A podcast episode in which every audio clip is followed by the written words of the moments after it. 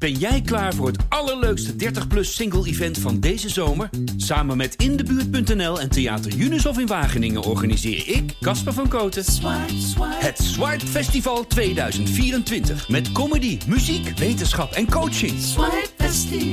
Maar vooral heel veel leuke mensen. Bestel nu je kaart op swipefestival.nl. Swipe, swipe.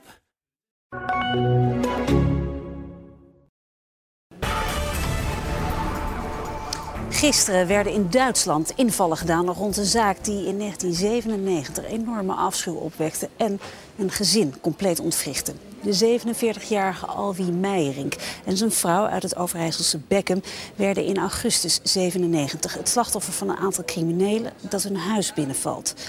Alwie's vrouw raakt zwaar gewond. Maar... In 2013 wordt er weer aandacht besteed aan Beckham in het programma Opsporing Verzocht. Het jaar daarvoor is er een fulltime rechercheteam op de zaak gezet, waarbij er ook een aantal huiszoekingen zijn gedaan. Zouden de daders die het gezin Meijerink zo gruwelijk mishandeld hebben, dan eindelijk gepakt worden? Waarom wordt een gewoon gezin slachtoffer van zulk zwaar geweld van criminelen? We hebben ook sterk het vermoeden dat in de Enschedese ja, criminele milieu van Enschede, dat daar mensen, en dan vooral in de sekswereld, hiervan af moeten weten wat daar destijds, 23 augustus 1997, in Beckham heeft plaatsgevonden. Um, ze hebben al die tijd gezwegen. Daar kan een reden voor zijn, maar we denken nu, zoveel jaren verder, hun situatie is ook veranderd. En misschien willen ze nu wel contact met ons opnemen en dat zouden we heel fijn vinden. Voor de tip die leidt tot de aanhouding en veroordeling van de daders looft de hoofdofficier van Justitie in Oost-Nederland een beloning uit van 15.000 euro. Dit is aflevering 4 van de zaak Beckham, genaamd Nieuwe Informatie. Mijn naam is Ramon Kunst en voor Tubantia onderzoek ik deze zaak. In 1998 is het eerste onderzoek naar Beckham gesloten. Het lukte de politie niet om de daders op te sporen. Er zijn wel vier verdachten aangehouden, maar die konden niet worden aangeklaagd. Er was te weinig bewijs. Maar, zoals je net hoorde, is er wel iets gebeurd. Een flink aantal jaar later, waardoor de zaak opnieuw onderzocht moest worden. Samen met collega Erwin heb ik afgesproken met Jan. We kunnen zijn achternaam niet noemen, omdat hij, net als Peter, die in aflevering 2 zat, in het TGO zit, het Team Grootschalige Opsporing. Dat team onderzoekt zware misdrijven en dan is het handiger dat zijn achternaam niet genoemd wordt. Jan gaf leiding aan het tweede onderzoek dat naar Beckham gedaan is. Uh, Beckham uh, heeft eigenlijk heel veel politiemensen niet onberoerd gelaten. En dat heeft te maken met de ernst van het feit dat een onschuldige gezin zeg maar, zo op die manier betrokken is geraakt bij zo'n ernstig delict. Uh, doet veel met uh, politiemensen, heeft veel met politiemensen uh, gedaan, ook met mensen van het Openbaar Ministerie. En eigenlijk kun je wel zeggen dat in, als een rode draad door heel veel onderzoeken in deze regio Beckham wel aan de orde is geweest. En daarmee moet je je voorstellen dat er vaak vragen zijn gesteld over Beckham, ondanks dat misschien in dat onderzoek Beckham niet onderzocht werd. Maar er is dus wel nog actief door de politie onderzoek gedaan, ondanks dat het eerste onderzoek gesloten is, naar Beckham. Ja, en dat heeft eigenlijk in die tussenliggende periode een aantal verklaringen opgeleverd van mensen die daar toch iets over hebben gezegd.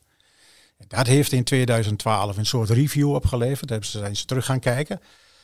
Uh, wat is er nu in de loop van de jaren uh, bijgekomen?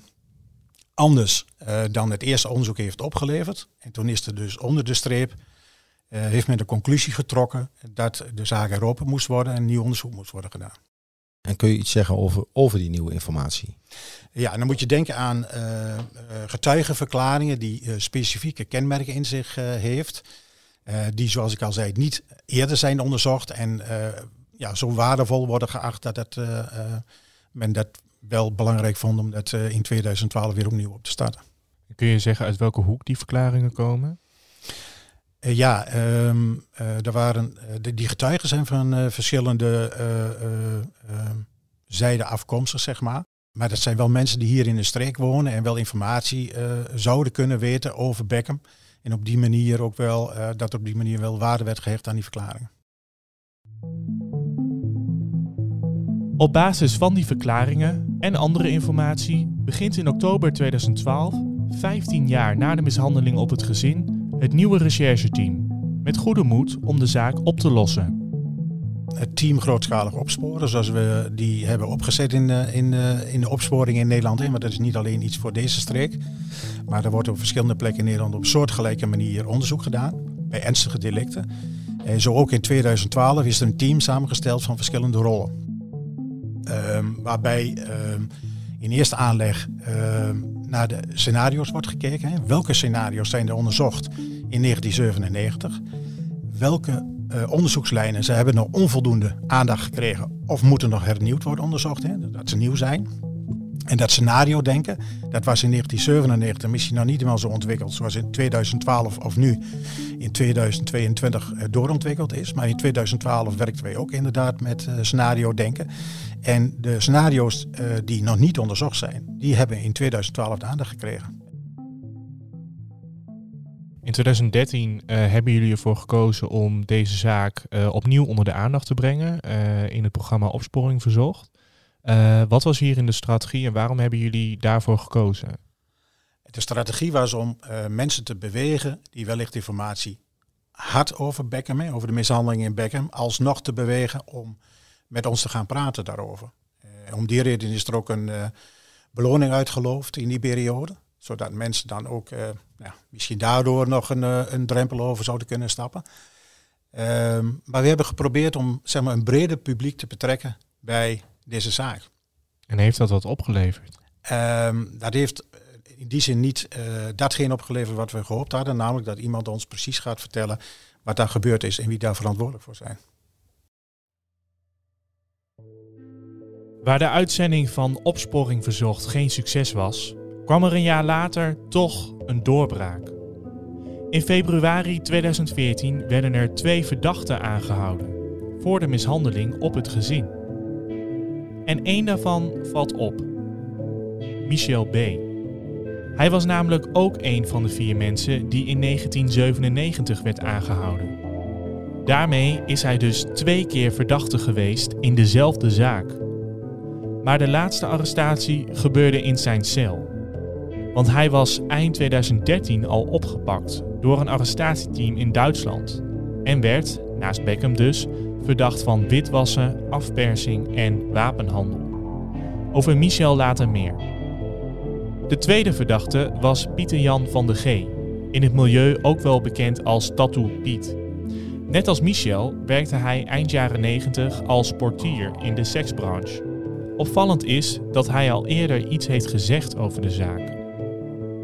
In september 2004 schreef hij aan een journalist van Tubantia, dat was MB geloof ik, met nog iemand. Doelend op de zaak in Beckham. Bedoelde hij met MB Michel B? Ze worden in ieder geval allebei verdacht van de ernstige mishandeling en zitten vast. Hoe is die aanhouding van de verdachte tot stand gekomen? Uh, die verdachten die zijn uh, als verdachten kunnen worden aangemerkt in verband met uh, dat dat moet op basis van feiten en omstandigheden gebeuren. Daar speelt het Openbaar Ministerie een rol in die zeg maar dat ook gaat wegen. En op het moment dat dat het geval is, dat je iemand als verdachte kunt aanmerken en je hebt nieuwe feiten tegen zo'n verdachte, want ik heb net uitgelegd dat als een onderzoek moet worden opgestart, je ook nieuwe aanwijzingen moet hebben. Dat staat ook in het wetboek van strafvordering. Ehm, dan zou je een verdachte uh, opnieuw kunnen aanhouden voor die zaak. En dat is hier gebeurd. Uh, had jij toen het idee dat dit wel eens de oplossing kon zijn?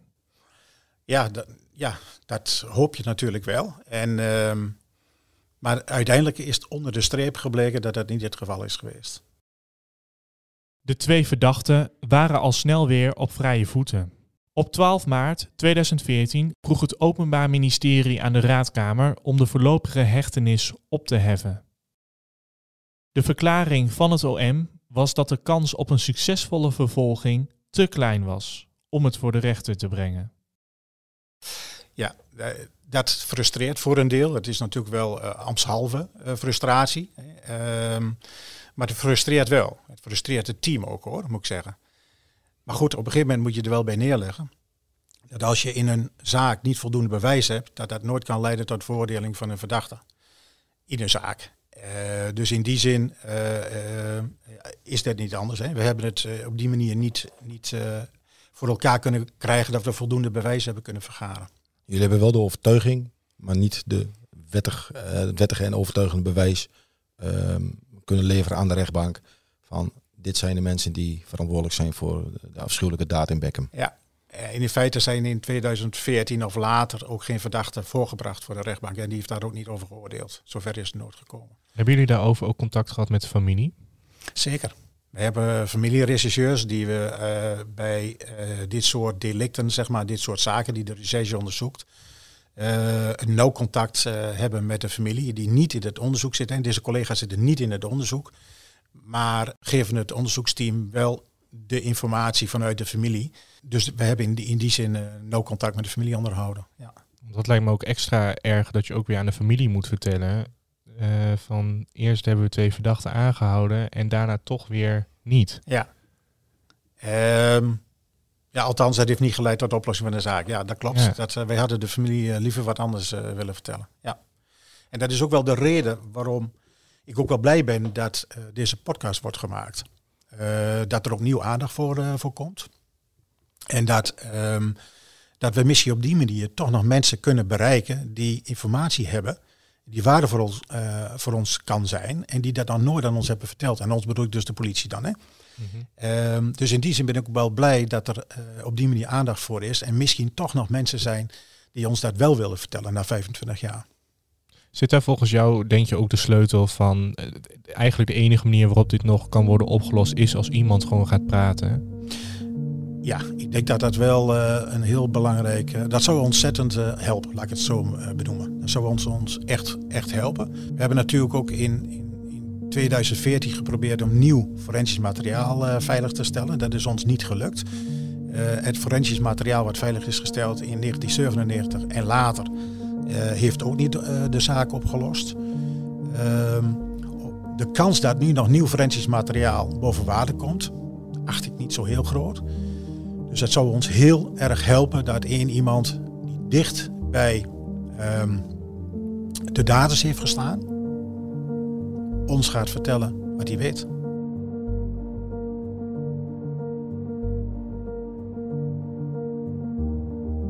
Twee verdachten die in 2014 zijn aangehouden, het lijkt mij ook dat uh, hun DNA vergeleken is met de sporen die gevonden zijn. Ja, klopt. Um, en in 1997 was voor de duidelijkheid een andere tijd. Hè? Uh, toen gingen de regisseurs de straat op met nog semafoons, die werden opgepiept. En uh, moesten in die periode moesten ze op die manier vernemen wat er zich in de buitenwereld zich afspeelde. Nou, tegenwoordig hebben we mobieltjes en we hebben appgroepjes en noem maar op. Dus dat heeft een enorme vlucht genomen. Ja. Um, maar ook in, 19, of in 2012 heeft het Forensisch Instituut zeg maar, de vergelijking gedaan. En dat heeft niet wat opgeleverd. En is, is alles bewaard gebleven aan, aan spoormateriaal? Ja, wel heel veel. Niet alles. Uh, uh, sommige dingen gaan ook uh, in de loop van de jaren, uh, ja, die vergaan of die gaan voor een deel aan kwaliteit inleveren. Dus we hebben niet alles zo authentiek mogelijk of zo authentiek aangereikt gekregen zoals dat in 1997 het geval was. Maar we hebben nog wel onderzoek kunnen doen. En we hebben zelfs ook nog zoekingen gedaan om naar sporen te zoeken die ons verder konden helpen. Alle verdachten eigenlijk die of in het eerste onderzoek of in de heropening zijn aangehouden, waren mensen die actief waren in de seksbranche. Is dat ook nog steeds uh, voor jullie het hoofdscenario van uh, waar jullie eigenlijk van uitgaan? Van mij betreft wel. We hebben verschillende scenario's onderzocht en die andere subscenario's, zeg maar, die hebben niet iets opgeleverd, waardoor het gewoon aannemelijk is dat ons hoofdscenario, dat het ligt toch in een problematiek in de sekswereld in Enschede, uh, bovenaan is blijven staan wat mij betreft. En het beoogde slachtoffer, hè? want uh, die, die twee weken daarvoor uh, is, is iemand ontvoerd, gegijzeld. Um, hebben jullie hem ooit gesproken dat hij het, het eventuele doelwit zou zijn van, van de strafexercitie? Nou, in eerste aanleg op, zeg maar bij, de, bij het eerste incident, waar deze meneer is ergens op aangesproken op 10 augustus 1997 hebben we natuurlijk geprobeerd om van hem het verhaal boven water te krijgen. En dat is deels ook wel gelukt. Niet alleen bij hem, maar ook eh, via anderen, zeg maar. Uh, maar deze meneer, moet ik zeggen, is nooit zo heel schuttig geweest met het geven van informatie. Met deze meneer bedoelt Jan Andreas K., de man die tegenover het gezin Meijering woonde. Zoals je in de vorige afleveringen kon horen, is hij twee weken voor de mishandeling op het gezin ook mishandeld en een tijdje ontvoerd naar Enschede. Volgens de politie zou hij dus het eigenlijke doelwit zijn, in plaats van het gezin Meijering. Wat de aanval op het gezin een vergissing maakt. Is bekend waar hij nu uh, verblijft, of hij nog leeft?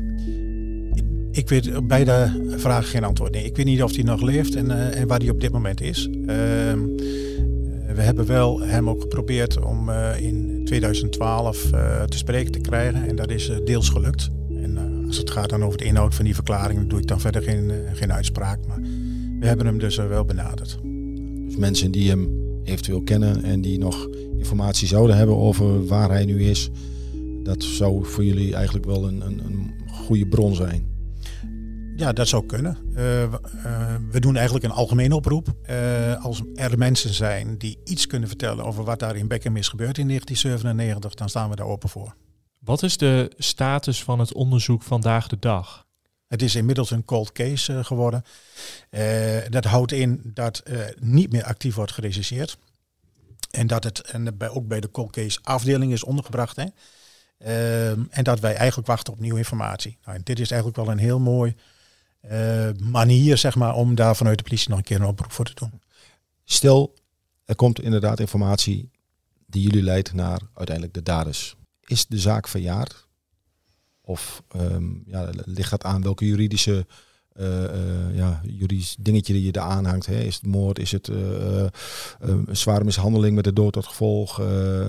kun je daar iets over zeggen? Um, de zaak is niet verjaard. Dus in die zin, als, als er nu iemand komt die ons de oplossing van de zaak brengt, dan, dan zouden we daarmee verder kunnen.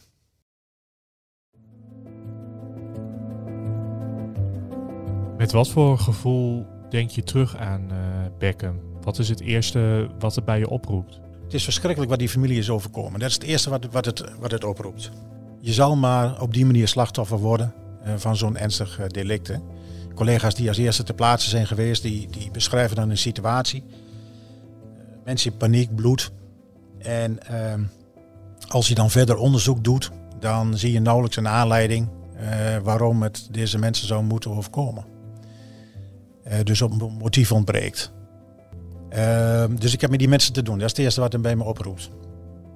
En ik zal Beckham niet snel vergeten.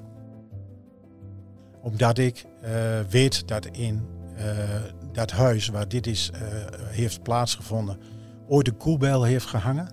En ik heb zelf nog een koebel in de schuur hangen. Die af en toe wordt beroerd omdat ik daar tegenaan loop, omdat ik er iets mee aanraak. En dat belletje, die koebel zeg maar, doet mij altijd aan Beckham herinneren. Dus in die zin zal het niet snel uit mijn systeem gaan, denk ik.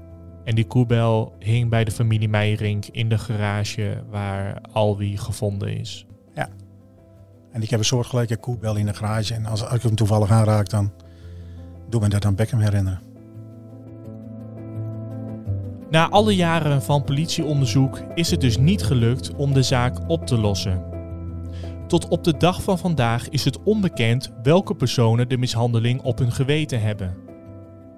Maar Daarmee is het verhaal nog niet af. Zoals je in deze aflevering kon horen, is Michel B. twee keer verdachte geweest in deze zaak. Hij is degene die Andreas K. heeft mishandeld. Twee weken voor de mishandeling op het gezin. Wat is zijn verklaring? En wie is deze Michel überhaupt? In de volgende aflevering ga ik in gesprek met hem. Michel B.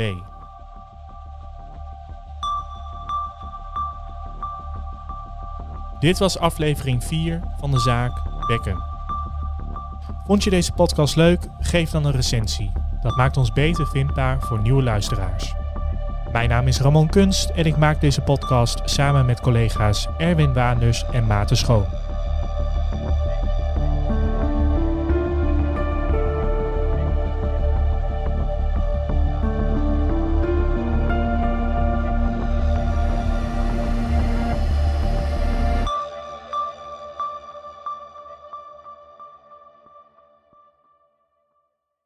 Ben jij klaar voor het allerleukste 30-plus single-event van deze zomer? Samen met Indebuurt.nl en Theater Unisof in Wageningen organiseer ik, Casper van Koten, het Swipe Festival 2024. Met comedy, muziek, wetenschap en coaching.